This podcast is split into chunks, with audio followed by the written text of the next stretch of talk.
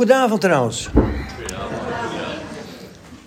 Ja, in, de, in, de, in, de, in de zending was Kees niet zo'n makkelijke naam. Vooral niet in de Engelse taal. Van just in case, weet je wel. Dat soort, dat soort dingen. Ik, ik, ik heb dat ook uh, daar, daar mezelf wel geïntroduceerd. Hè? In de zin van... Uh, I came into this world as a very small case. And for a very long time I was a dirty case and a terrible case. But then the Lord met me and he made me beauty case. and in case you don't believe me, ask my wife. maar ja, zij begrepen toen nog niet dat ik Kees heette. Dus nee. Vanavond uh, is de avond waarin we over de gave van Romeinen 12 gaan nadenken. Maar we gaan ook nog weer één keertje straks terug naar 1 Korinthe 12. Om jullie even het verschil te laten zien tussen deze gaven. Overigens is dit alles charismata. Zowel de 1 Korinthe 12 gaven als de Romeinen 12 gaven vallen allemaal onder de charismata, de gaven van de geest. Dat we dat even in de gaten houden.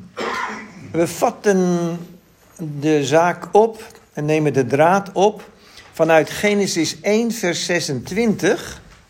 En dat is uh, heel belangrijk, omdat het gaat om waar begon God eigenlijk mee. En in Genesis 1, vers 26 daar staat dat God zei: laten we mensen maken die ons evenbeeld zijn, naar ons beeld, die op ons lijken. Zij moeten heerschappij voeren over de vissen van de zee en de vogels van de hemel, over het vee en over de hele aarde en over alles wat daarop rondkruipt. Nou, moeten we even goed in de gaten houden dat als God zegt, die mens is geschapen om heerschappij te voeren, dan staat dat in de zin van leiding geven aan. Dus niet dictatoriaal. Hetzelfde begrip komt in je Bijbel terug, zei het dan in het Grieks. Maar hetzelfde begrip komt in de Bijbel terug in Efesiërs 5 enzovoort. Man is het hoofd van de vrouw. En dat is net zo, niet, niet dictatoriaal, maar ook weer leiding geven aan. En leiding geven aan, een leider, moet waard zijn om gevolgd te worden. Zodra die dictatoriaal wordt, is hij dat al niet meer. Want dan is het dwangmatig. Maar een goede leider wordt gevolgd omdat de mensen zien dat hij een leider is. En dat hij hem brengt op goede plekken. Dat geldt natuurlijk ook voor de goede herder zelf. Maar daar gaat het niet eens zozeer om. Het gaat erom wat was het plan van God? Mens of mensen? Wat vinden jullie? Mensen, hè? Dus God heeft vanaf het begin gezegd: laat ons mensen maken. Dus niet alleen een mens. Vervolgens staat er dan ook mannelijk en vrouwelijk schiep hij hen. En zowel mannelijk en vrouwelijk naar zijn beeld.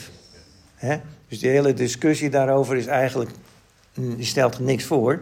Want we zijn allemaal man en vrouw geschapen naar het beeld van God. Dus, en dat beeld van God heb ik in het begin uitgelegd, heeft niks te maken met een uiterlijk, heeft alles te maken met je karaktereigenschappen. Je natuur.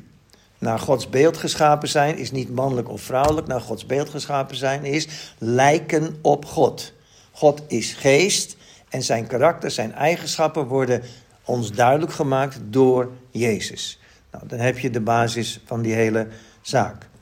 Dus God heeft mensen geschapen om hem te verheerlijken. Dan moeten we even goed in de gaten houden dat waar God mensen heeft geschapen om te heersen, om leiding te geven aan, is een goddelijk plan.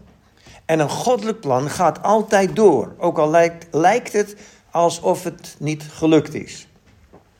Want God heeft Adam en Eva geschapen om te heersen. Wat deden ze? Ze droegen hun heerschappij als het ware over aan Satan. Uh, dan begint God uh, opnieuw. Hij gaat via Noach en zijn uh, kinderen aan het werk. Dan gaat God via Abraham en een heel volk aan het werk. Weer mensen, die mogen priester zijn. Van alle volken in deze wereld gaat zij een volk van priesters vormen. En altijd weer zegt God, ik heb mensen nodig om leiding te geven. Om te laten zien wie ik ben. Maar altijd weer niet een mens, maar mensen. En dan gaan we door en dan komen we in Efeziërs 3 vers 10.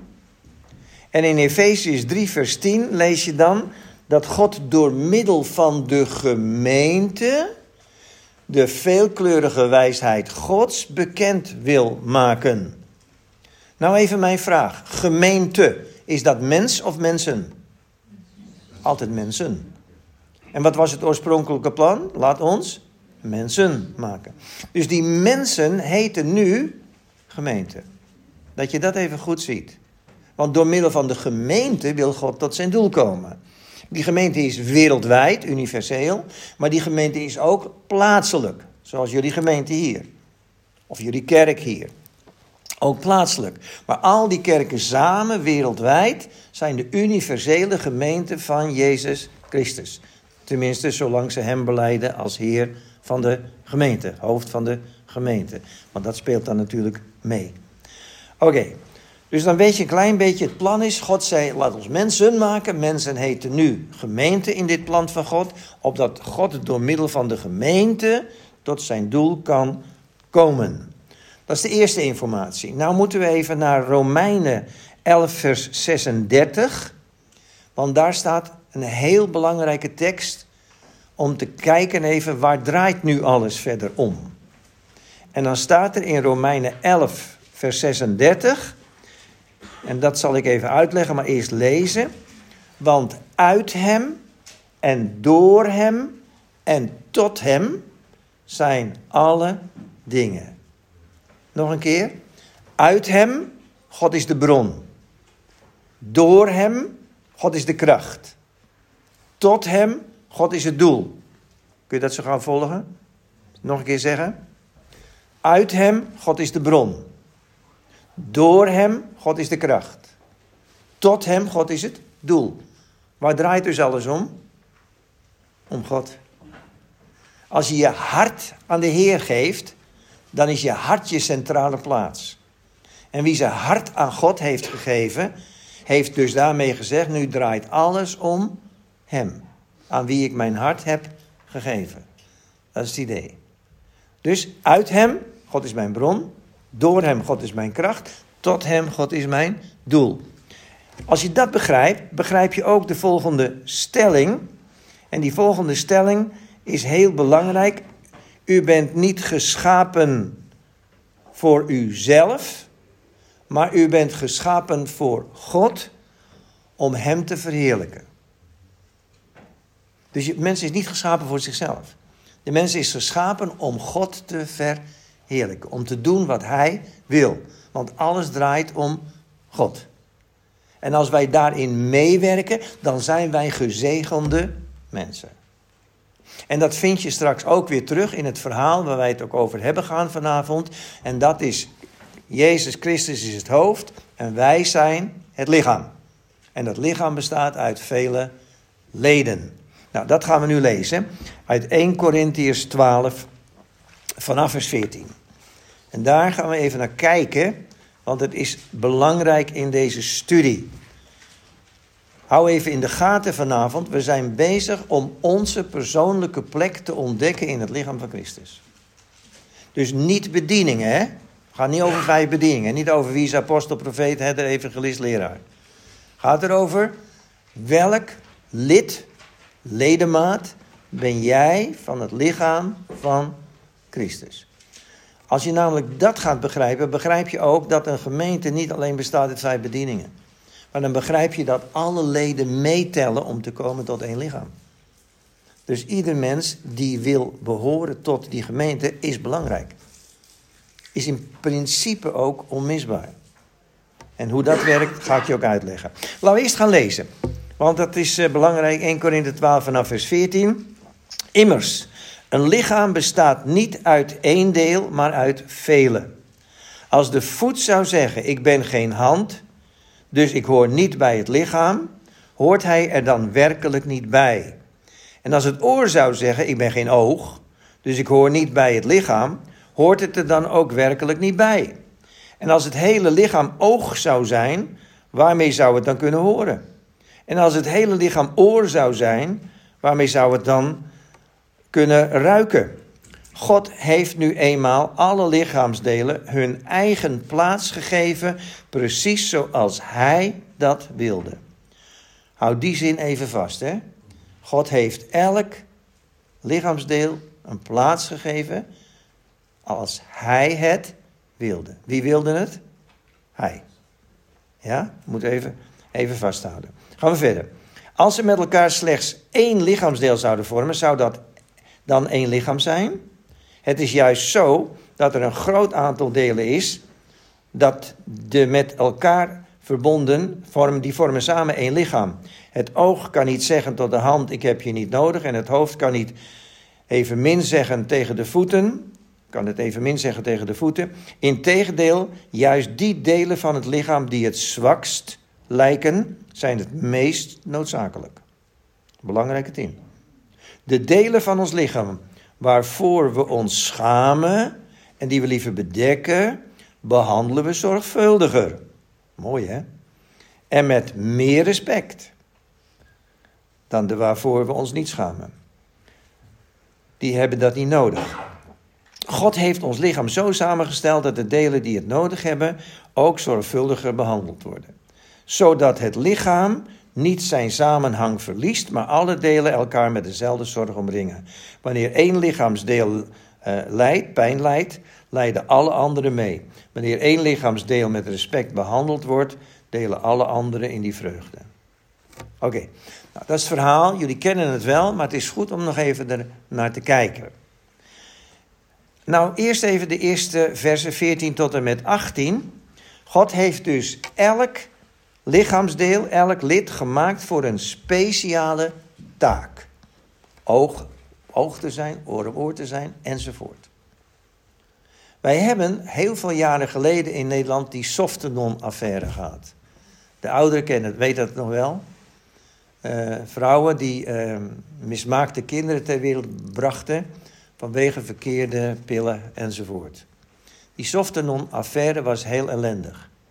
Er werden kinderen geboren zonder armen, zonder benen. Het was een verschrikkelijke tijd.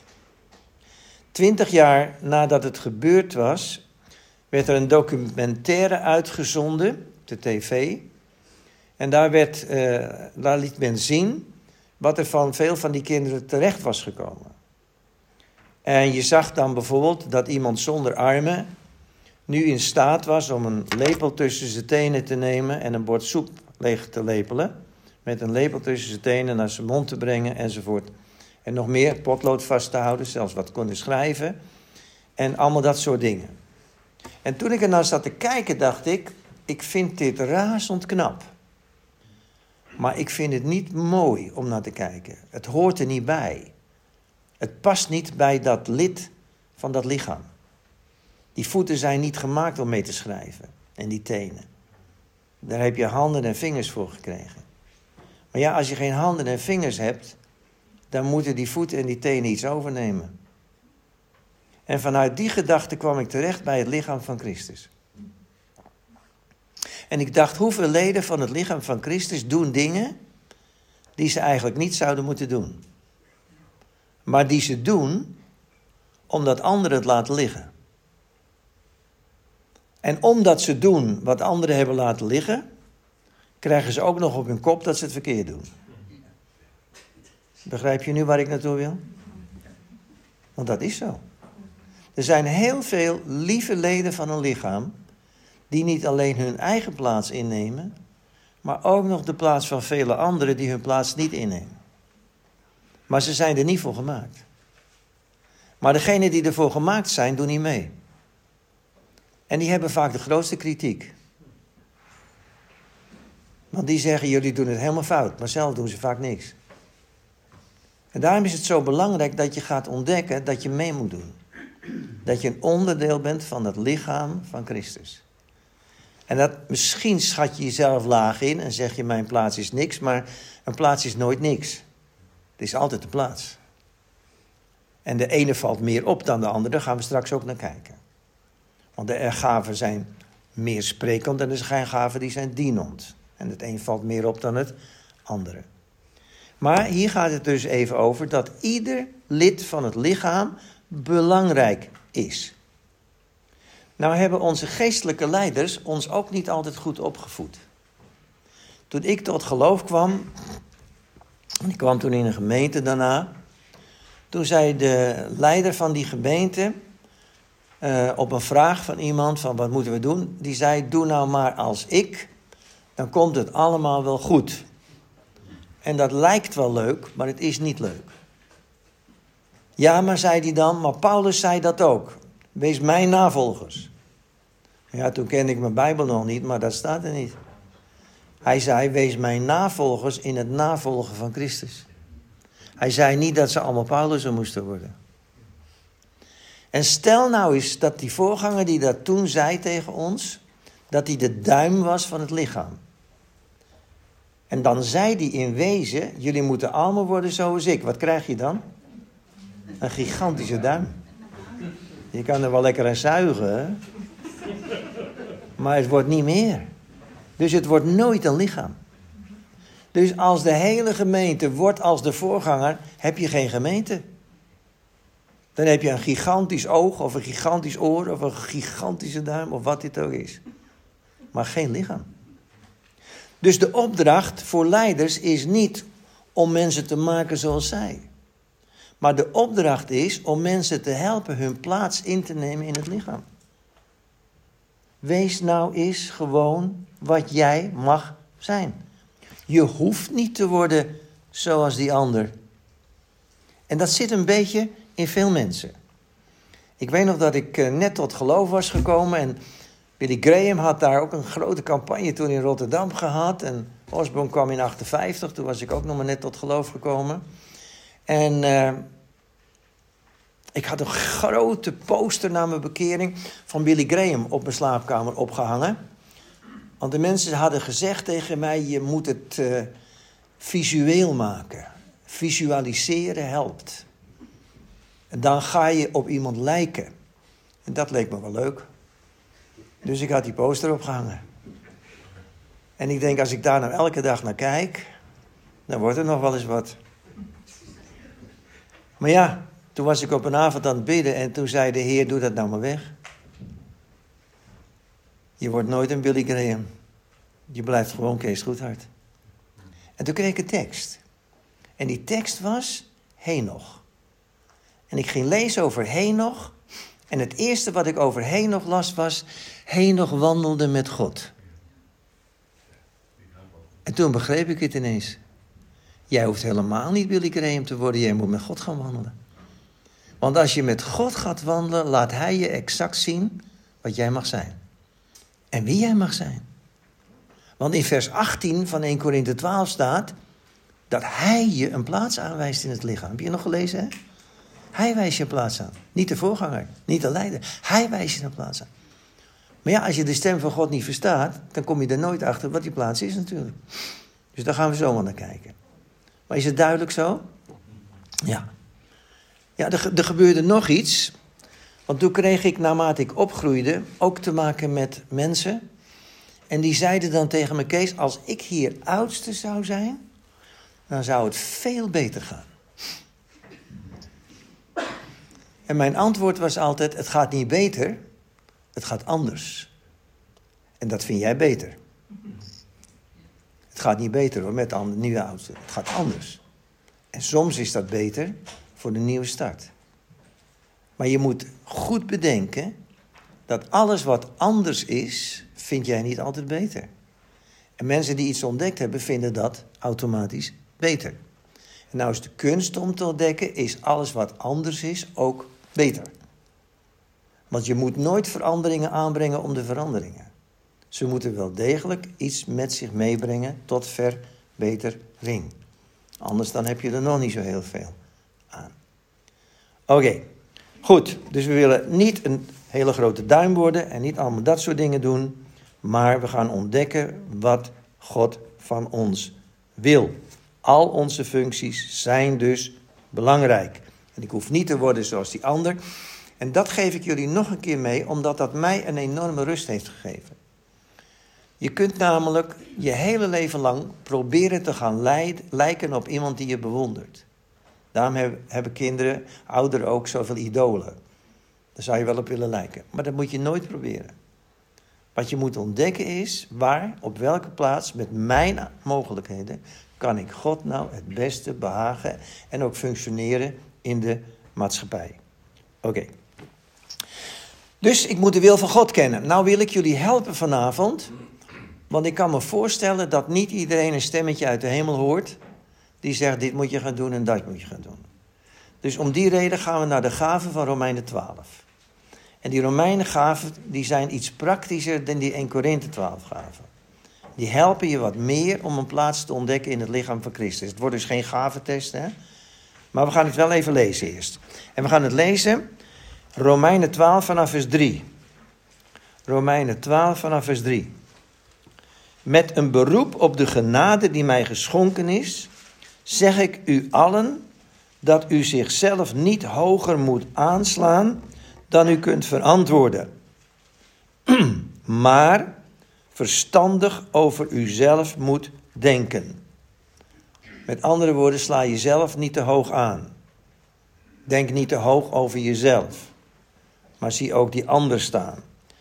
Denk overeenkomstig het geloof, dat is de maatstaf of de mate die God u heeft gegeven. Andere vertaling zegt, God heeft elk mens een mate van geloof gegeven. Een zaadje van geloof. Dat noemen we een natuurlijk geloof. Daar heb ik vorige keer iets over gezegd bij die gaven. Gaan we door. Zoals dus, zoals ons ene lichaam vele leden heeft en die delen niet allemaal dezelfde functie hebben, zo zien we samen één lichaam in Christus en zijn we iedere part elkaars lichaamsdelen. We hebben verschillende gaven, onderscheiden naar de genade die ons geschonken is. En dan komen die zeven gaven. Dit zijn zeven gaven die nu komen. Wie de gave heeft te profiteren, moet die in overeenstemming met het geloof gebruiken. Profiteren naar gelang van je geloof. Wie de gave heeft bijstand te verlenen, moet bijstand verlenen, helpen, dienen. Wie de gave heeft te onderwijzen, moet onderwijzen. Wie de gave heeft te troosten, moet troosten. Wie iets weggeeft, gave om te geven, moet dat zonder bijbedoeling doen. Wie leiding geeft of organiseert, moet dat doen met volle inzet. Wie barmhartigheid bewijst of wie barmhartig voor de ander is, moet daarin blijmoedig zijn. Laat uw liefde oprecht zijn, verafschuw het kwade en wees het goede toegedaan. Als je goed kijkt naar deze gaven, dan zie je dus dat ze een stuk praktischer zijn als die van 1 Korinthe 12. Maar het zijn ook gaven van de geest. Dus ze horen er wel bij. Nog even voor je herinnering, de gaven uit 1 Korinthe 12 waren dus tongentaal, vertolking van tongen, profetie, gaven van kennis, gaven van wijsheid, gaven van het onderscheiden van geesten, gaven van geloof, gaven van wonderwerken, gaven van genezingen. En hier zijn andere gaven op eentje na. Heb je ontdekt welke? Er is één gave in Romeinen 12 die hetzelfde is als 1 Korinthe 12. Dat is de eerste gave hier. Profiteren. Ja. Ik zal straks laten zien dat profiteren heel breed is hoor. Maar daar heb ik de vorige keer al iets over gezegd. Maar daar gaan we nog wel iets over doen. Maar wat moeten we nou met die gaven van Romeinen 12? Want die zijn natuurlijk net zo belangrijk als die van 1 Korinthe 12, omdat het ook allemaal valt onder charismata. Nou, deze gaven zijn dus wat praktischer in te vullen. En als je er goed naar kijkt, dan zul je ook ontdekken dat in dit rijtje van zeven er altijd wel één of twee tussen zitten die jou het beste liggen. Dat betekent niet automatisch dat je die ook hebt, maar die jou het beste liggen. Uh, laten we eens even kijken naar die zeven gaven. En we eens proberen te ontdekken welke dan jou het beste zou kunnen liggen. Maar dat ga ik zo doen. Eerst nog even een vraag. Heb jij je wel eens afgevraagd waarom bepaalde activiteiten in de gemeente jou meer aanspreken dan andere activiteiten? Heb je wel eens verbaasd over het enthousiasme van bepaalde mensen over een bepaalde activiteit in de gemeente waarvan jij denkt, daar heb ik niks mee? Heb je je toen ook wel slecht gevoeld? Je moet je pas slecht voelen als je nergens wat mee hebt. Maar je hoeft je niet slecht te voelen als je met het een wat meer hebt dan met het ander. En het heeft alles te maken met je positie in het lichaam van Christus. Het een zal je meer aanspreken dan het ander. Maar als niks je aanspreekt, dan heb je een probleem. Dus er moet altijd wel iets zijn. Dan laten we eens even kijken. Dit is geen gave test hoor. Maar ik ga zeven punten even kort met je doornemen. En je hoeft er alleen maar over na te denken en je hoeft er ook geen antwoord op te geven. Alleen voor jezelf even. Die eerste gave, we volgen gewoon even het rijtje. Uh, er zijn mensen hier vanavond die ongetwijfeld zullen openstaan voor de visie van wat wij nodig hebben in de gemeente is meer inzicht en meer openbaring. Als wij in deze evangelische gemeente van Ommen meer inzicht en openbaring zouden hebben, zou alles beter gaan. Nou, er zijn mensen die waarschijnlijk wel dat zouden kunnen beamen, maar dat moet je voor jezelf even weten. Er zijn ook mensen hier die zeggen, nou, voor mij lijkt het het belangrijkste dat wij praktische hulp verlenen, bijstand verlenen, als er een nood is. Niet praten, maar praktisch meteen hulp verlenen als er een nood is. Dat is ook superbelangrijk. Er zal een derde groep zijn die zegt: Weet je wat voor mij eigenlijk belangrijk is? Dat wij meer en meer worden onderwezen in het woord. Want als we het woord niet begrijpen, kunnen we niet verder. Nou, dat is ook belangrijk. En dan zal er een vierde groep zijn die zegt: Nou, voor mij is het belangrijkste dat van uh, bemoedigen, troosten, bemoedigen. Want dat hebben we allemaal nodig. En we zouden meer troost en bemoediging moeten hebben in de gemeente. En dan is er een vijfde groep die zegt: Ik denk dat we meer materiële hulp ook moeten bieden. Meer moeten weggeven. We moeten niet alleen maar geestelijk zijn. We moeten ook meer weggeven. En dan is er een vijfde, dat was die vijfde groep. En dan heb je een zesde groep. Die zegt, weet je wanneer hier in Omme de opwekking losbarst? Als we het beter gaan organiseren. Want daar hangt het allemaal op. Nou, je kan best ook een zegen daardoor krijgen. En dan is er een laatste groep. En die laatste groep zegt, als we wat barmhartiger waren en elkaar meer lief zouden hebben, dan zou de opwekking komen. Leuk is, ze hebben allemaal gelijk. Maar wat spreekt jou nou het meeste aan? Die barmhartigheid, beter organiseren, wat meer materiële hulp bieden, elkaar wat meer bemoedigen, beter onderwijs, praktisch ook bijstand verlenen en ook meer openbaring, profetische woorden. Nou, ben je het met me eens dat allemaal belangrijk zijn? En het een zal je wat meer aanspreken dan. En er mogen ook twee dingen die je aanspreken hoor, drie, dat maakt niet uit. Maar er zullen altijd dingen zijn die jou meer aanspreken dan anderen. Laat me, dat iets dichter bij je brengen. Hebben jullie, hebben jullie huiskringen? Ik weet ook niet hoe jullie seizoen loopt, maar laat ik even teruggaan naar, naar Zwolle dan.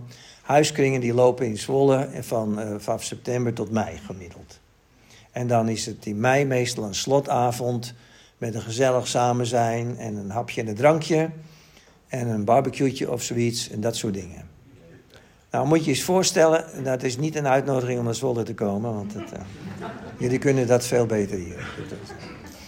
Zo zit ik wel in elkaar. Uh, en ik zou er ook niet op kicken om, om daar alleen voor te komen, bedoel ik dan. Hè? Maar uh, laat je nou, laat je, laat je gedachten eens even overgaan. Het is de laatste avond van de kring.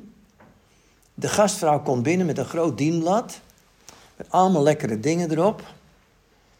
En ze struikelt over de drempel. En alles over de vloer. Wat nou heel interessant is, is te letten op de reacties van de aanwezigen. Er roept er vast wel iemand, dat zag ik aankomen. De profeet. Er is ook vast wel iemand die zegt niks, die gaat meteen helpen opruimen. Die verleent meteen bijstand, die gaat dienen. Er is ook nog wel iemand die zal zeggen: ja, maar dat had je ook heel anders moeten doen.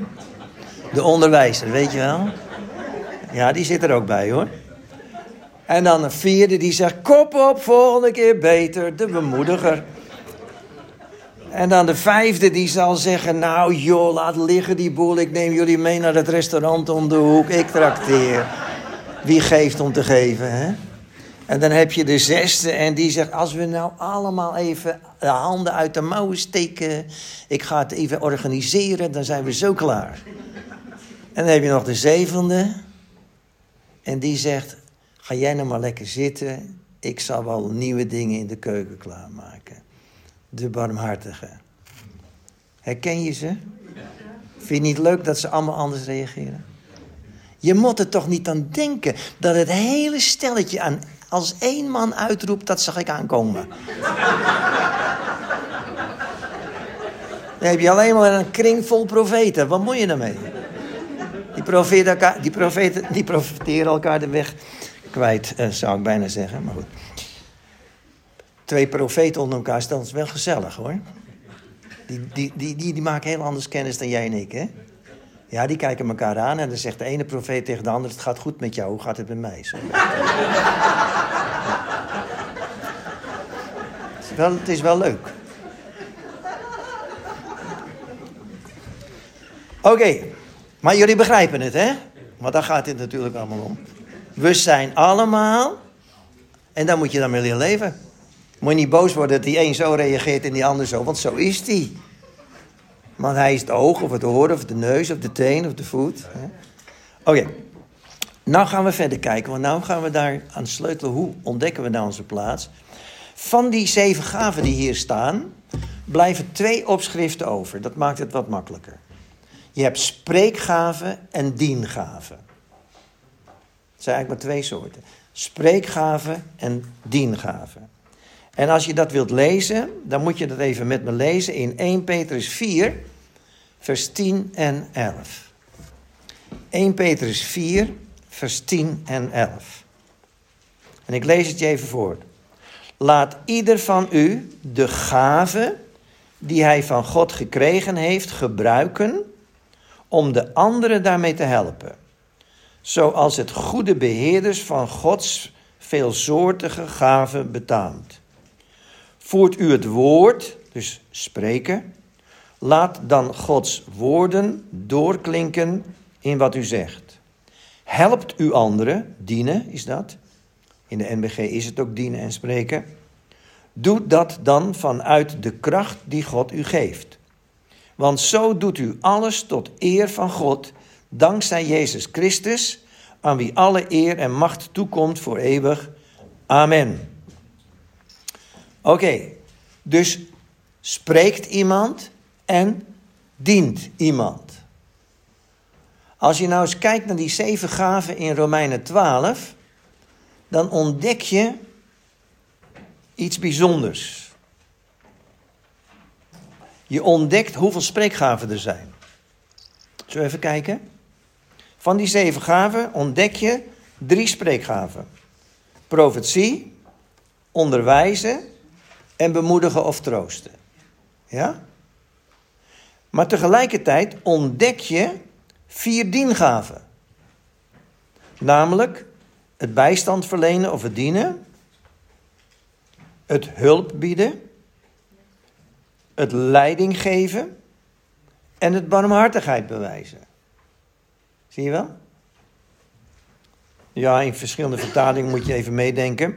Maar in de NBG staat dienen en hier staat dus bijstand verlenen. Maar dat is natuurlijk ook dienen, dus dat maakt verder niet uit. Organiseren en bemoedigen. Uh, en leiding geven bedoel ik is organiseren. En barmhartigheid bewijzen is ook een gave van dienen. Hoe vind je de verhouding? Drie spreekgaven, vier diengaven. Dat is wel een mooie verhouding. Samen zeven is een volheid.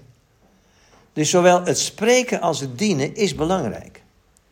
En dat moet je even vasthouden. Ik ga daar straks een paar voorbeelden nog van laten zien. Maar dienende mensen hebben niet altijd dezelfde waardering als sprekende mensen. Sprekende mensen staan meestal op een podium. Dienende mensen verrichten hun taak achter de schermen. Dat houdt in dat sprekende mensen meer gezien worden dan de dienende mensen. En ook eerder geprezen zouden kunnen worden, maar ze kunnen ook afgemaakt worden.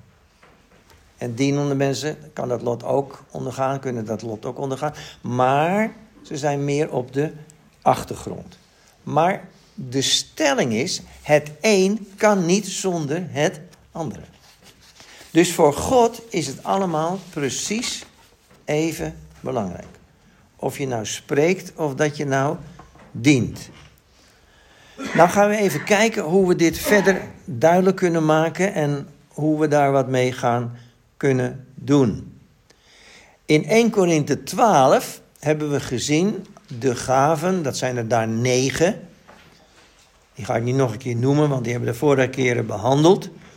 Dat God werkt met, op, door alle mensen heen met vele gaven. Als gij te samenkomt, heeft een ieder iets. Dus de 1 Korinthe 12 gaven zijn in de gemeente functioneel. Om de heiligen toe te rusten, om de mensen te bemoedigen. Tongentaal heeft zijn functie. Ook voor jezelf, stichtend, vertroostend, bemoedigend.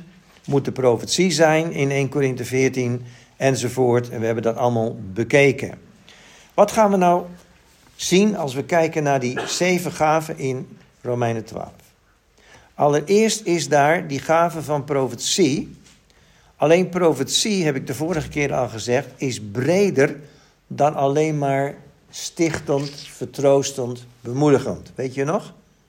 Die profetie is ook over de toekomst. Profeten in hun bediening spreken over de toekomst. Maar er is nog een derde vorm van profetie en die staat in 1 Samuel 9, vers 9. En die derde vorm van profetie is dat iemand die vroeger ziener werd genoemd, een profeet staat er letterlijk, werd vroeger ziener genoemd. Dus iemand met inzicht. Dus iemand met inzicht heeft ook een profetisch woord. Kun je het volgen? Nou ga ik je een voorbeeld geven van die gave. En ik neem je mee naar Lucas 3 en ik kijk naar Johannes de Doper. Johannes de Doper was, bent u het daarmee eens, een profeet? Ja. Hij was een profeet. Hij sprak profetisch en hij sprak over de Messias die na hem kwam. Christus Jezus. Wat zijn nou de kenmerken van zo'n profeet met inzicht? Want dat was dan Johannes. Dan kan ik het hele verhaal wel gaan lezen. Laat een klein stukje lezen met je, dan weet je even waar ik het over heb. Lucas 3 vanaf vers 7. Johannes zei tegen de mensen die massaal uitliepen om zich door hem te laten dopen: Adere gebroed, wie heeft jullie wijs gemaakt dat je veilig bent voor het komende oordeel? Breng vruchten voort die een nieuw leven waardig zijn. En zeg niet meteen bij jezelf: wij hebben Abraham als vader enzovoort. Nou, die begint al lekker. Je zal je toehoorders uh, aanspreken als gebroed. Dan loop je, als ik dat zou doen vanavond, liep je meteen de tent uit. Wat, zijn dus, wat is nu duidelijk? Duidelijk is dat Johannes de Doper met zijn inzichten hard was voor zichzelf. En ook hard kon spreken naar zijn toehoorders. Gaf het resultaat? Ja, want dan gaat er meteen al vooruit. Breng dan vruchten voort die een nieuw leven waardig zijn. Of in je oude vertaling die bekering duidelijk laten merken.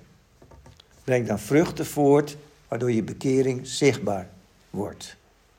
Dat wordt daar gezegd. Dus nou om het wat simpeler voor je te maken. Hoe ziet iemand eruit die inzicht heeft in je gemeente? Iemand die dat heeft, die plaats inneemt, is hard voor zichzelf. En zal ook hard direct overkomen. Het mooie is dat hij bepaalde mensen moet aanspreken. Bepaalde mensen moet helpen en kan helpen. Want die hebben een harde hand nodig. Je hebt ook die barmhartige nog, weet je wel, die laatste gave. Dat zijn de mensen die een zachte hand nodig hebben. Maar sommige mensen hebben een harde hand nodig. En dan komt daar zo'n Johannes de Doper, die hard is voor zichzelf, want het was geen gezellige man hoor. Je leest ook niet dat hij uitgenodigd werd op uh, bruiloften en partijen en zo. Jezus wel. Jezus zat daar gewoon, ja. Die was toch een stuk gezelliger kennelijk. Maar Johannes werd niet uitgenodigd. Maar het was ook niet gezellig. Als je hem uitnodigde, dan zei hij: Ik heb mijn eigen eten meegebracht. en dan haalde hij wat sprinkhanen en wat uh, dingen uit zijn zak. Doe geen moeite. Beetje, beetje ongezellig man. Hij was hard voor zichzelf, maar hij was ook hard voor anderen. Hij, hij zei de waarheid. En dan komen er een hoop mensen bij hem. Dat ga ik niet lezen, maar wie komen er allemaal bij? Heb je dat gezien? Als je doorleest. Soldaten.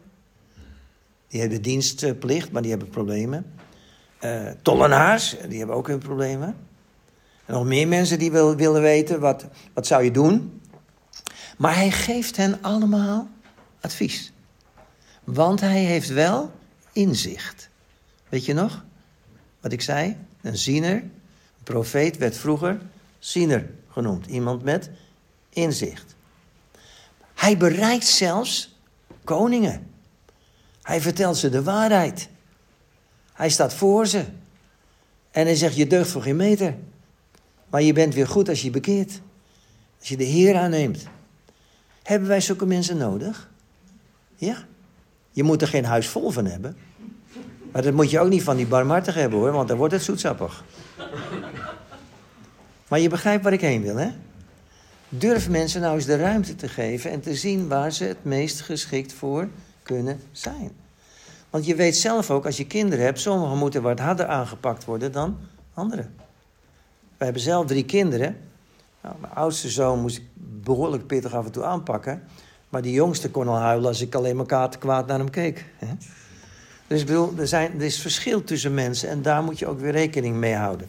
Dus er is een groep mensen die het nodig heeft om zo aangesproken te worden, om eens duidelijk de waarheid te horen. En die hoeven niet per se alleen maar in die gemeente te zitten hoor. Die kunnen ook, zoals je bij Johannes de Doper ziet, naar buiten uit er zijn. Er zijn ook mensen die vanuit hun geloof anderen hard aanpakken, waarvan jij met die gave van barmhartigheid denkt, nou het kan ook wel wat liever. Maar sommige mensen hebben dat nodig. Anderen hebben weer alleen dat liefdevolle nodig. Oké, dus Johannes was zo'n type. Nou, dan ga ik het je wat makkelijker maken. De tweede gave is die bijstand, dat is dienen. En waar kom ik dan terecht? In Lucas 10 vanaf vers 38. Dat had je al begrepen. Want dan kom ik terecht bij Martha. Is een mooi voorbeeld, hè, Martha? Van iemand die dient. En laten we wel wezen, als we kijken naar Martha, ik ga het niet helemaal met je lezen hoor. Het staat in Lucas 10, vers 38 tot 42. En je kent het verhaal wel. Martha is druk, druk, druk met dienen, rampelt met potten en pannen. En Maria zit aan maar te zitten aan de voeten van Jezus. En ze begint zich te ergeren. En ze zegt tegen Jezus, zegt tegen Maria dat ze ook eens wat doet.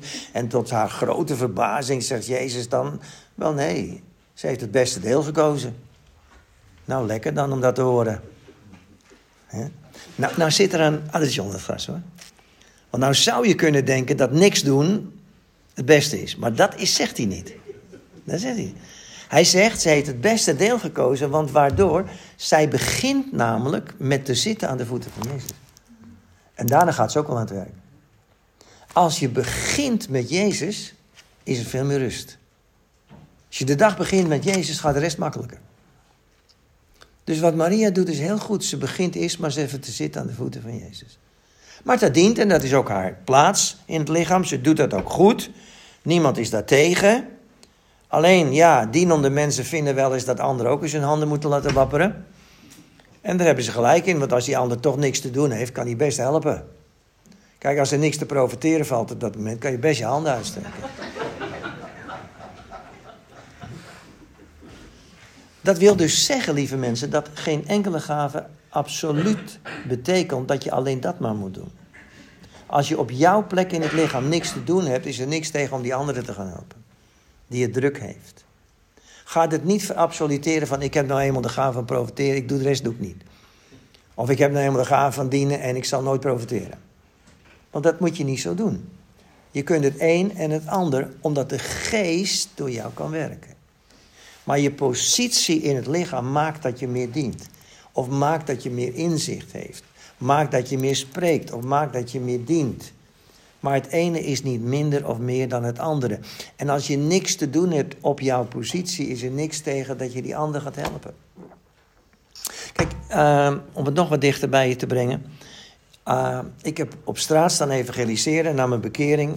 En ik vond het ontzettend mooi om te doen. Ik genoot ervan. Gewoon mensen een beetje staan preken en wat zingen met, met de jongelui. En, en dan mensen aanspreken, vond ik allemaal prachtig. Maar je moet mij niet vragen om langs de deuren te gaan. Oh nee, ik weet waar de bel zit en als de deur open gaat heb ik geen idee meer. Dus als ze mij uitnodigden om langs de deuren te gaan, dacht ik, nou, ik ben ook geen Jehovah-getuige, ik uh, geloof het wel. Ik kan het ook niet. Begrijp je? Dus je hoeft je ook niet te schamen als iets je niet zo ligt. Maar steun dan die ander die het wel doet. Nogmaals, als je niks doet, is het verkeerd, hè? En als je meerdere dingen doet, is het goed, maar je moet wel altijd eerst opkomen voor je eigen positie. Die staat voorop. Dus Martha is dienen, is degene die dient en dat doet ze goed en ze doet het zelf, geen probleem. Alleen dienende mensen hebben wel een probleem. En hun probleem is dat ze bezorgd zijn. Bezorgd dat het niet afkomt. Bezorgd dat het niet klaarkomt. Maar als je een gave hebt van dienen, van bijstand verlenen, moet je goed realiseren dat dat in dit geval een gave van God is. Als je iedereen wil dienen, wordt dat maatschappelijk werken. Maar als het een gave van God is, vraag dan God waar je bijstand moet verlenen. Waar je moet dienen. Want dat, alle gaven, die zijn van God, de geestesgaven. Dus dan hoef je niet iedereen te gaan dienen, maar daar waar God je wil hebben. En anders word je bezorgd. Ga je je zorgen maken over die plaats. Want ik kan het niet meer aan. Ik raak overspannen. Er zijn zoveel nood in deze wereld. Ja, maar niet elke nood is jouw nood. Je moet goed gaan leren waar God je wel wil hebben en waar je niet hoeft te zijn. En nogmaals, als het je baan is, oké, maar dan zit je er ook anders in. Er is nog een probleem met dienende mensen. Martha ging zo op in het dienen zelf, dat ze de persoon vergat waarom ze het deed. Jezus. Want je gaven moeten God altijd verheerlijken. Dus nog even voor de goede orde. Als je dient, hoef je niet alles te dienen. En houd nu even bij mijn uitleg. Het gaat hier om de gaven van God. Niet om je taak in de maatschappij in de eerste plaats. Waar je misschien een baan hebt aangenomen om bepaalde dingen te doen. En dan wil ik ook nog meteen een lans breken voor de dienende mensen in de gemeente, in alle gemeentes. En dat is als wij in het verleden uh, ledenvergaderingen hadden, gemeenteavonden, het heeft overal zijn eigen naam, dan uh, heb ik wel eens gevonden dat de dienende mensen te weinig aandacht kregen. Het ging over wat er allemaal gebeurde op de zonderschool, wat ik ook dienen vind. Wat, wat, wat zichtbaarder was dan wat de mensen op de achtergrond deden. Maar dienende mensen zijn net zo belangrijk als de sprekende mensen. Want zonder die dienende mensen konden de sprekende mensen niet spreken. En andersom zou ook niet lukken. Dus we hebben elkaar nodig. Is het duidelijk van de dienende gaven? Ik heb geen tijd om ze allemaal te behandelen, maar ik doe er nog een paar dat je het goed inziet hoe het werkt. Dus ik heb nu twee gaven laten zien. De mens met inzicht, die wat hard is voor zichzelf, wat harder overkomt, maar soms ook nodig is op die plek. We hebben iemand nodig die dient, meerdere natuurlijk in een gemeente. En nu kom ik bij dat onderwijzen. Onderwijzen is iets anders als de leraar. De leraar is een bediening, maar de gaaf van onderwijzen kan in principe elke gelovige die zich daartoe geroepen voelt. En dan is onderwijzen niet dat je een kring gaat onderwijzen in de eerste plaats, maar dat je mensen die niet mee kunnen komen helpt te begrijpen wat er gezegd is. Stel je eens voor, je zit aanstaande zondag in deze kerk en er is een spreker. En die spreker die spreekt zo eenvoudig. Maar ja, het is ook een morgen waarop je iemand mee hebt genomen die nog weinig van het evangelie weet. En die zit naast je en die spreker die boeit die nieuweling zo geweldig dat aan het eind van de dienst zegt hij tegen je, die nieuweling, wat was dit mooi zeg. Ik heb het helemaal begrepen. Jij had net willen zeggen, nou ik vond er niks aan. Maar dan zegt die persoon, ik heb het helemaal begrepen. Een week later is er een spreker en die boeit jou enorm. Maar die nieuweling zit te draaien en je merkt, die pakt het niet. En je vraagt na afloop, hoe vond je het? En die nieuweling zegt, van mij hoeft het niet, ik heb er geen bal van begrepen. En jij zegt, ik kom een keertje bij je langs. Joh. Ik ga het je wel een keertje uitleggen wat de bedoeling van dit alles is. Ik neem je even mee naar een Bijbelgedeelte. Het staat in Handelingen, hoofdstuk 18, vers 26. In Handelingen 18, vers 26. Apollos, enthousiaste vent, begon in de synagoge vrijmoedig het woord te voeren. Toen Priscilla en Aquila hem hoorden, namen ze hem terzijde en legden hem uit wat de weg van God precies inhield. Dus Apollos was wel enthousiast, maar begreep de helft nog niet. En Priscilla en Aquila zeiden, je staat wel leuk te praten daar, maar het is onduidelijk, want je begrijpt het zelf niet. Zult je een beetje uitleggen. Nou, dat bedoel ik er ook mee te zeggen. Er is iemand die het niet begrijpt. Die neem je wel mee naar een bijbelstudie, maar in die bijbelstudie gaat ook een heleboel langs die persoon heen. Wat die persoon nodig heeft, is iemand die zegt van ik kom een keer langs en dan onder vier ogen probeer ik je uit te leggen wat de bedoeling van dit alles is. Met eenvoudige woorden. Is toch mooi als je dat kunt doen? Nou, zulke mensen zijn dus ook belangrijk. Dus dat hoeft niet meteen de leraar te zijn, maar ook degene die onderwijst. Hoe weet je nou of je zo iemand bent? Geef je even een paar punten. Als je zo iemand bent, dan zul je ontdekken dat je liever gebruik maakt van bijbelse voorbeelden dan van andersoortige illustraties. Dat zit al in je. Als je zo iemand bent, dan zul je uh, vreugde hebben bij elk nieuw stukje wat je in de Bijbel ontdekt. Oh, wat ik nou zag. Mooi, geweldig. Geniet ik van. Dat heb ik nog steeds, hè? Ik vind het nog steeds zo mooi.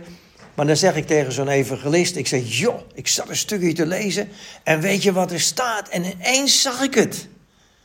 En dan zegt zo'n evangelist, dat staat er al jaren. Ik zeg, ja, maar heb je wel begrepen wat er staat? Nou ja, kan mij niet zo verschillen. Ik, ik zeg wat ik moet zeggen. Maar iemand die onderwijs geeft, heeft vreugde over elk stukje wat hij ontdekt in het woord. dat is een kenmerk daarvan. Vreugde daarover, over dat woord. Nou is een onderwijzer of een leraar is niet altijd het type wat veel warmte uitstraalt. De opdracht is vaak meer van ik vertel je hoe het zit en voor de rest zoek je het zelf maar uit. Maar ja, daarvoor heb je straks weer die bemoediger of die trooster. Die bemoedigt je dan wel weer. Ik als leraar ben niet super pastoraal. Dat geef ik meteen toe. Ben het wel, maar dan voor bepaalde zaken, bepaalde gevallen. Meer voor leidinggevenden misschien. Maar ik heb wel het verlangen om het mensen duidelijk te maken wat ik precies bedoel. En wat er staat.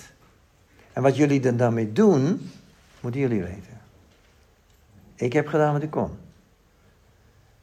De bemoediger, want dat is de volgende, die gaat naast je staan. En die helpt je steeds verder te komen. Maar degene die onderwijs geeft, heeft dus geweldige vreugde in het ontdekken van het woord. Straalt niet altijd warmte uit om nog eens verder je te helpen, maar hij wil wel dat je begrijpt wat het woord zegt. En dat is meteen het verschil met de bemoediger of de vertrooster. Die zal bij je komen of naast je komen staan als die ziet dat je verdrietig bent. En die zal tegen je zeggen: Joh, het gaat best goed met je. Maar we kunnen samen nog wel een beetje verder komen. En ik wil je graag helpen om het nog beter te doen. Als je een tekst wilt hebben, 1 Thessalonicense 4 vers 1. Daar zegt Paulus, het gaat goed, maar ik spoor jullie aan om het nog beter te doen. Nou, is toch mooi? Kijk, je weet zeker dat je geen bemoediger tegenkomt als die je aankijkt en zegt: Ik heb de hele tijd naar je zitten kijken, maar ik ben van mening, het wordt nooit wat. Die moet je niet hebben dus. Hè? Je moet ook niet hebben iemand die meteen begint af te breken. En zegt, nou, ik heb naar je gekeken, maar dat doe je fout, dat doe je... Dat is hem ook niet. Een bemoediger haalt het goede in je naar boven en helpt je om het nog beter te doen. Dat is een bemoediger. En dan vind je ook, het gaat goed met je, 1 Thessalonicense 4 vanaf vers 9, aanmoedigen tot liefde voor elkaar, nog wat meer liefde graag. Steeds van je doet het al goed, maar het kan nog beter. Weet je wie een mooi voorbeeld is van een trooster en bemoediger? Barnabas. Als, als Paulus op een gegeven moment uh, iemand niet meer ziet zitten en zegt, nou die laat ik maar achter, dan zegt Barnabas, nee, die moeten we toch bijhouden. Daar moeten we voor zorgen. En dan uh, laat hij dat ook zien in handelingen 11 en handelingen 14 en handelingen 15 enzovoort. Dat zijn de eigenschappen dan van Barnabas. Dus dat komt ook steeds weer terug. Duidelijk? Bemoediger, onderwijzer, ik hoef er niet zo lang over te zijn dat je even begrijpt wat het ongeveer is. Dan hebben we de gever, de hulpbieder, de gever. Dat geven gaat verder dan je tiende geven hoor. Het gaat zo ver als staat in 1 Thessalonicense 2 vers 8. 1 Thessalonicense 2 vers 8.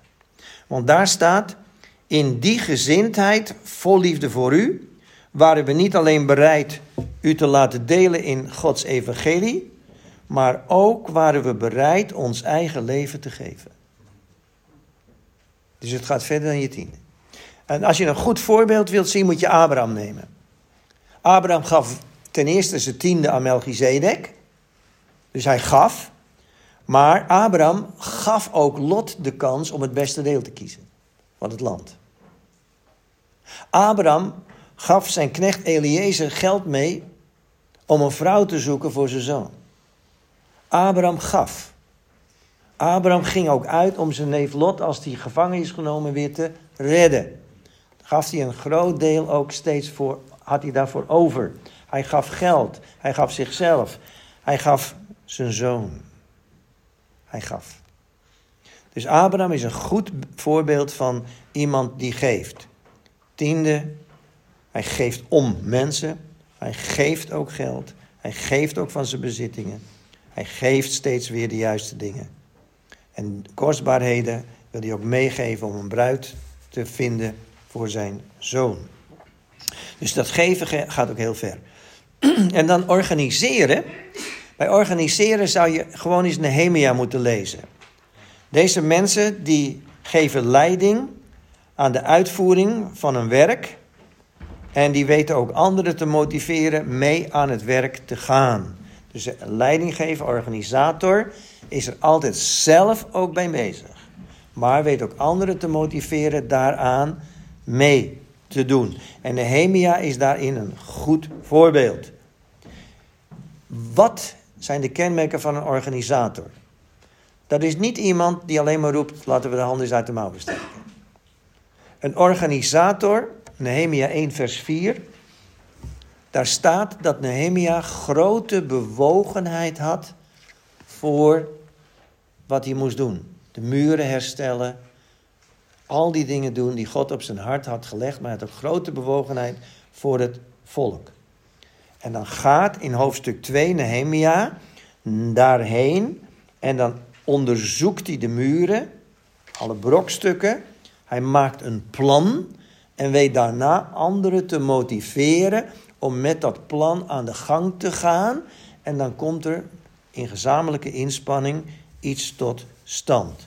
Dus de organisator moet niet alleen maar een type zijn, we moeten het beter organiseren, maar er moet ook de bewogenheid zijn, liefde voor de Heer en zijn gemeente. Overigens geldt dat voor alle andere mensen ook hoor, die ik al heb benoemd. Iedereen heeft die liefde nodig. En een bidder is die ook, ja. ja.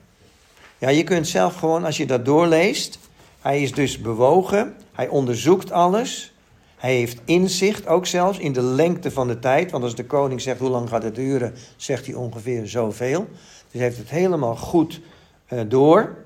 En hij zorgt ook zelfs voor de materialen. En als er tegenstand is, weet hij ook met de werkers de tegenstand te overwinnen. Dus het is een heel mooi verhaal om je dus in te verdiepen. Maar voor nu voert dat een beetje te ver. Hij grijpt trouwens ook nog in in geschillen. in hoofdstuk 5 van Nehemia is onbaatzuchtig en zorgt voor een goede taakverdeling. Maar dat kun je allemaal terugvinden in het uh, boek Nehemia. En dan is de laatste gave die hier genoemd wordt de gave van barmhartigheid. En daar wil ik nog wat meer aandacht aan geven tot besluit. En dan kunnen we nog wat vragen stellen en bidden met elkaar. Gave van barmhartigheid. Als je de gave van barmhartigheid hebt, dan ben je meestal een gevoelig mens. En gevoelige mensen in deze harde maatschappij worden vaak beschuldigd van sentimenteel en overgevoeligheid. Maar gevoelige mensen moeten juist geholpen worden om goed met hun barmhartigheid en gevoeligheid om te gaan. Zij moeten leren om de leiding van de geest te zoeken. Want anders gaan ze eraan kapot. Want als je echt een gevoelig mens bent en je ziet de nood van deze wereld, kun je eraan stuk gaan. Je zult juist als je barmhartig bent en gevoelig bent, de leiding van de geest nodig hebben. Dat geldt ook voor als je hard moet optreden en voor al die andere dingen hoor. Maar hier ook zeker. En wij, die misschien wat minder barmhartig zijn, zullen ervoor moeten zorgen dat we de mensen die zo barmhartig zijn niet onderuit halen en niet berispen, maar ze helpen om te gaan zien waar hun hulp echt nodig is en hoe ze dat moeten doen. Nou is er een groot verschil tussen humanitaire, humanistische barmhartigheid en christelijke barmhartigheid. En daar neem ik jullie toch even mee naar Lucas 10, vanaf vers 30. Jullie kennen het verhaal van de barmhartige Samaritaan. En ik lees het even een klein stukje.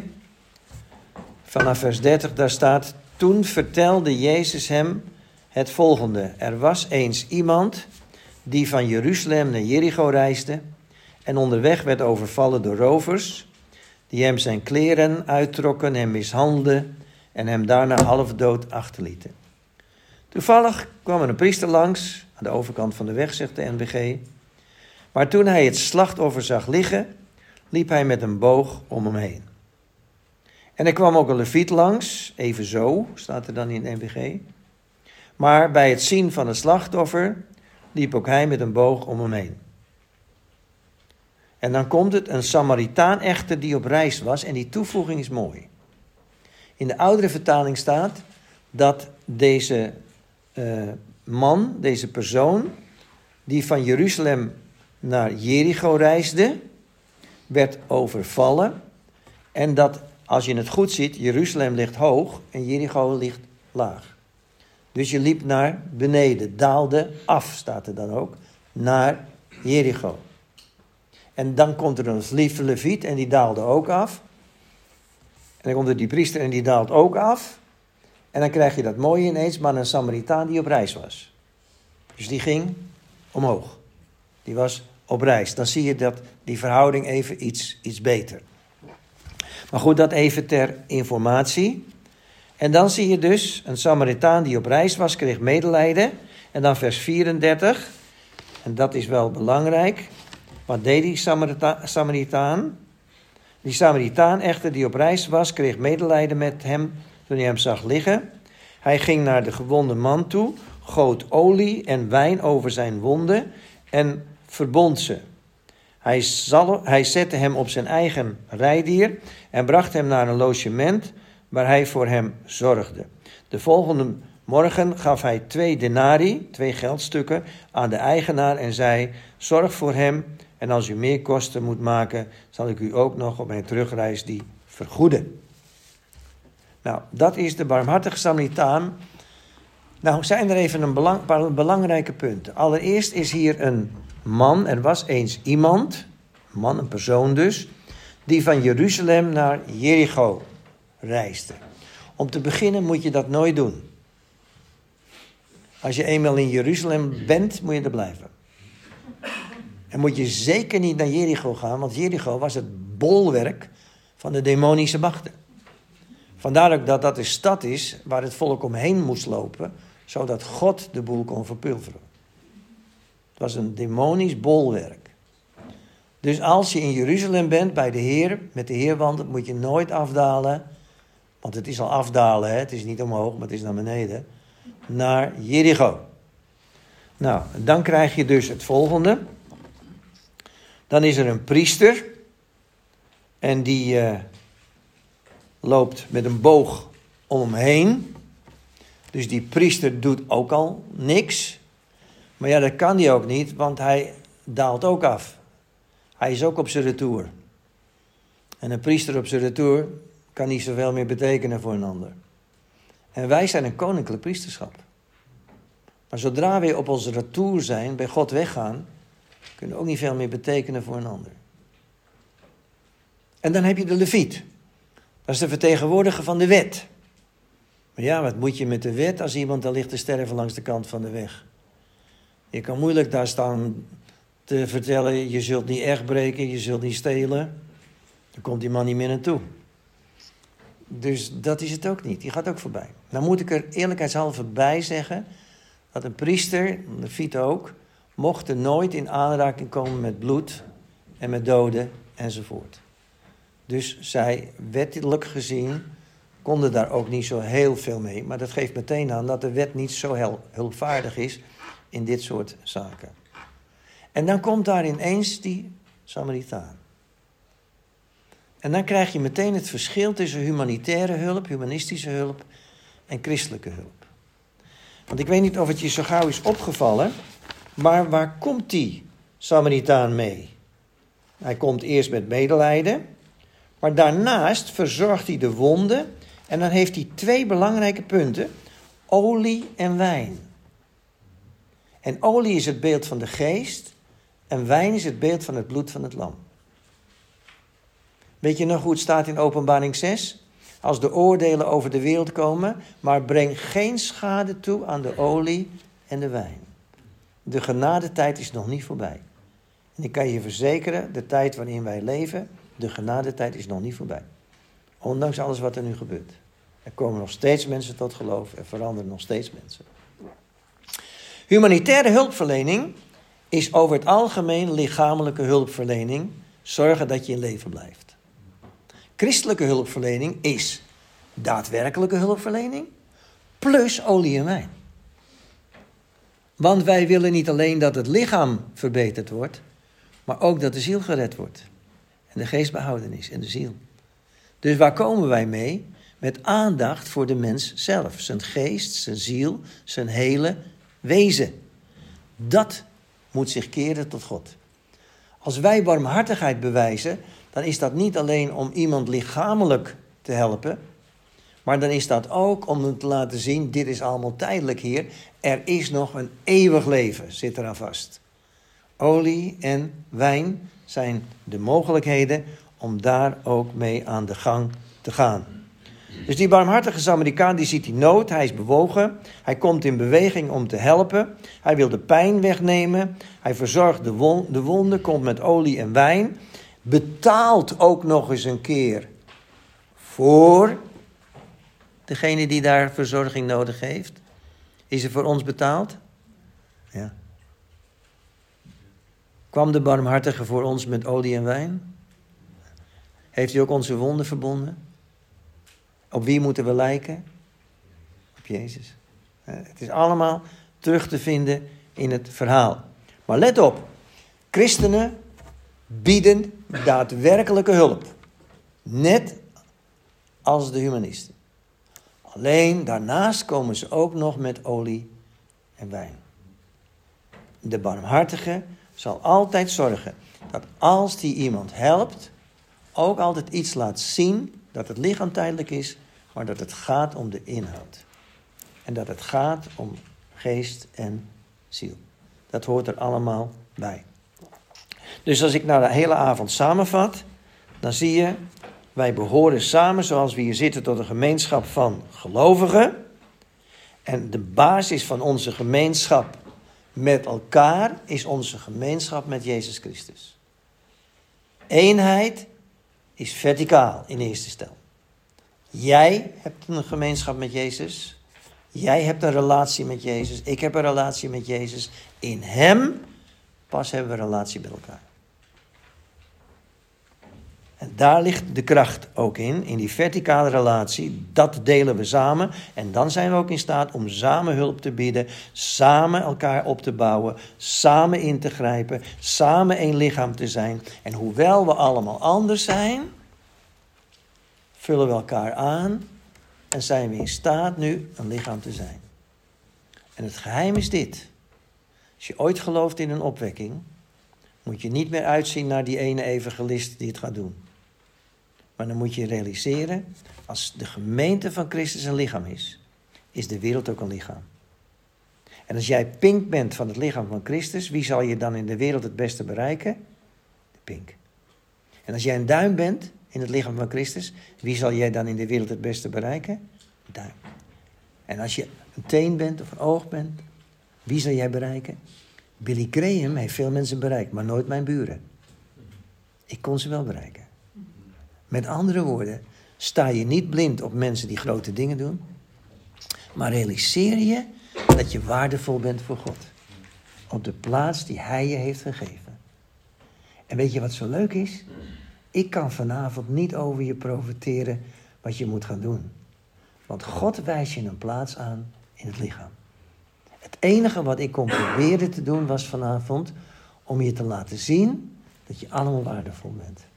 En dat je allemaal een positie inneemt in het lichaam van Christus. En die positie in het lichaam van Christus, die plaats die jij inneemt, zal misschien met zich meebrengen dat jij andere gaven laat zien dan die ander.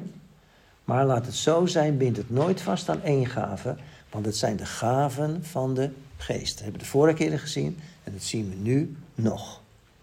En het enige waar ik vanavond voor kan bidden en ga bidden ook, is dat God de bedekking over je denken wegneemt, zodat je kan zien wie je mag zijn. Ga ik straks doen. Nu, als er nog een brandende vraag is, gaan we dat eerst nog even doen en dan ga ik voor je bidden. Ja, is er nog iemand die, want dat hebben we beloofd. Heb ik iets laten liggen? Iets onduidelijk. Of iets wat aangevuld moet worden. Was het heel duidelijk? Vind je het lekker dat je anders mag zijn? Lekker hè? Oh, het heeft mij zo geholpen. Altijd gedacht, ik moet op die lijken, ik moet op die lijken. Ik werd dus, je raakt er overspannen van, joh. Je denkt altijd dat je het verkeerd doet. Nee, je doet het anders. En dat maakt het zo lekker aanvullend. Maar je moet wel wat doen, hè? Niet naar huis gaan en straks en denken, nou, ik kan niks. Want dat kan niet. Je bent altijd iemand. Anders zat je hier niet. We zijn allemaal onderdeel van het lichaam van Christus. Oké, dan. Ja? Oh, er waren twee handen nog, dacht ik. Wou u wat vragen? Twee handen, ja. Oh. Nee, niet twee handen. Ik sta daar een hand en daar een hand. uh, ja, ik, ik moest even denken hoe ik het zou brengen. Ik hou het maar een beetje bij mezelf. Wat ik het al, als ik het allemaal nou niet gun. Als ik het? Als ik nou de, de gave die iemand anders heeft het hem of haar niet gun. Oh, niet gun. Ja. Wat dan? Ja, wat dan? nee, dan, moet je echt gewoon uh, zelf zeggen: Heer, ik zegen die persoon. En ik dank u dat ik ook een gave heb. Je moet echt daar los van komen. Je zult die gave nooit krijgen. Maar ik heb er niet over profiteren en uh, openbaringen krijgen en dingen zijn. Want ieder, ieder christen kan dat hebben hoor. Dus dat, is niet, dat moet je zo niet. Maar dat de een bepaalde dingen beter kan dan jij of ik, ja, dat is zo. Ja. En wees maar blij ermee. Ik kan niet koken, mijn vrouw gelukkig wel. Maar ik benijd haar nooit. Want het lijkt me een rotklus. ja. Bid voor, bid voor degene die je benijdt. Daar komt het eigenlijk op neer voor degene die je benijdt. Degene waar je afgunst aan hebt. En dank God voor wie jij mag zijn. Nog iemand hier? Had jij nog vragen? Nee, ik wees naar haar. Oh, je wees naar haar. Vandaar twee handen zo. Oké, ik ga niet verder vragen beantwoorden. Ik ga bidden. En we gaan samen bidden. En ik geloof dat het goed is als we samen bidden. En ik bid veel hardop voor jullie. Dat we gaan zien dat God de bedekking over ons denken gaat wegnemen vanavond. En dat wij gaan ervaren hoe God vandaag of morgen of over een paar weken of wat later of wat vroeger, maakt niet uit wanneer. Maar dat het je steeds duidelijker wordt waar jij het beste in kunt functioneren. En voor een groot deel weet je het ook wel. Je weet ergens al wel waar je goed in bent. Het meest lastige daarvan is dat het niet altijd per se datgene zal hoeft te zijn waar God je op dat moment in kan gebruiken. Maar wat God nou tot je mogen spreken en laten zien dat je op die plek het meest functioneel kunt zijn. Dat dat de plaats is van de. Want wat ik nou gezegd heb, zijn zeven gaven, maar zeven is een volheid. Dat betekent dus dat als je gastvrouw of gastheer bent, dat het ook een plek is in het lichaam. Dat betekent als je muzikaal bent, dat het ook een plek is in het lichaam. Dus ga nou niet kijken naar die zeven gaven, want dan heb je het niet goed begrepen. Dat waren alleen maar voorbeelden. Maar kijk veel verder dan dat. Dus je kunt ook zeggen, waar ik goed ben, is mensen motiveren. Waar ik goed in ben, is muzikale dingen. Waar ik goed in ben, is mensen te troosten. Nou, er zijn zoveel andere mogelijkheden nog bij. Dus ga, niet, ga je niet fixeren op die zeven dingen. Zeg gewoon, Heer, hier ben ik. En maak me duidelijk waar u mij wilt hebben. En misschien weet je het al wel, wat je moet doen. Maar dat je zegt, nou, misschien nog wat meer ligt hoe ik dat beter kan doen. Of andere. En wat ook belangrijk is, dat we elkaar gaan motiveren om niet te worden zoals wij zijn, maar om te zeggen: Ik ga je helpen om je plaats te ontdekken in het lichaam van Christus. Ja, niet wat jij dan weer leuk vindt, hè? wat jij kan gebruiken, want dat is weer de verleiding. Maar ook weer eerlijk. Ja? Dus het wordt nog lastig, maar als God ons helpt, gaan we daar steeds meer licht op krijgen. Ga bidden. Vader in de hemel, ik realiseer me heel erg goed dat je dingen kunt uitleggen. En dat je over dingen kunt praten. Maar dat in de praktijk soms nog veel vragen zijn. Ik realiseer me ook dat het een hele weg kan zijn voor we begrijpen waar u ons precies wilt hebben. En daarom bid ik, Heer, dat u zowel bij mij als bij alle mensen hier in deze ruimte de bedekking over hun denken wilt weghalen. Doe de mist opklaren. Maak het zo dat we heel helder een moment mogen hebben, vandaag of wat later, maar dat we mogen zien door een woord van u, door wat u ons laat zien, waarin u ons bemoedigt, dat u ons daarin bevestigt, dat we zien, Heer, dat u ons daar wil hebben en daarin kunt gebruiken. En tegelijkertijd moeten we ook letten op elkaar. Als een ander het te druk heeft daar, dat we ook, als we toch niks te doen hebben, te hulp gaan schieten. Heer, ik bid zo dat u ons helpt om één lichaam te vormen. Dat u ons losmaakt van kritiek op de ander en ons helpt onze plaats in te nemen. Die misschien in onze eigen ogen niet zo veel voorstelt, maar in uw ogen fantastisch is. Want het oog kan niet zeggen tegen het oor: Ik heb je niet nodig. En de duim niet tegen de pink: Ik heb je niet nodig. Maar we hebben elkaar nodig. En pas als we echt één lichaam zijn waarvan alle leden op hun plaats staan, dan zijn we sterk. En zijn we ook in staat om iets te betekenen in dat koninkrijk van u. Raak ons aan. Geef ons een spanning. Help ons, Heer, om niet te zien op elkaar in de eerste plaats, maar bovenal op u. Want u wijst ons een plaats aan in uw lichaam. Misschien door een woord uit de Bijbel. Misschien door een gesprek. Misschien door vanavond. Maar werk het in ons uit voor de eer van uw naam. Ook in de komende tijd. Het vragen u in de naam van de Heer Jezus. Amen.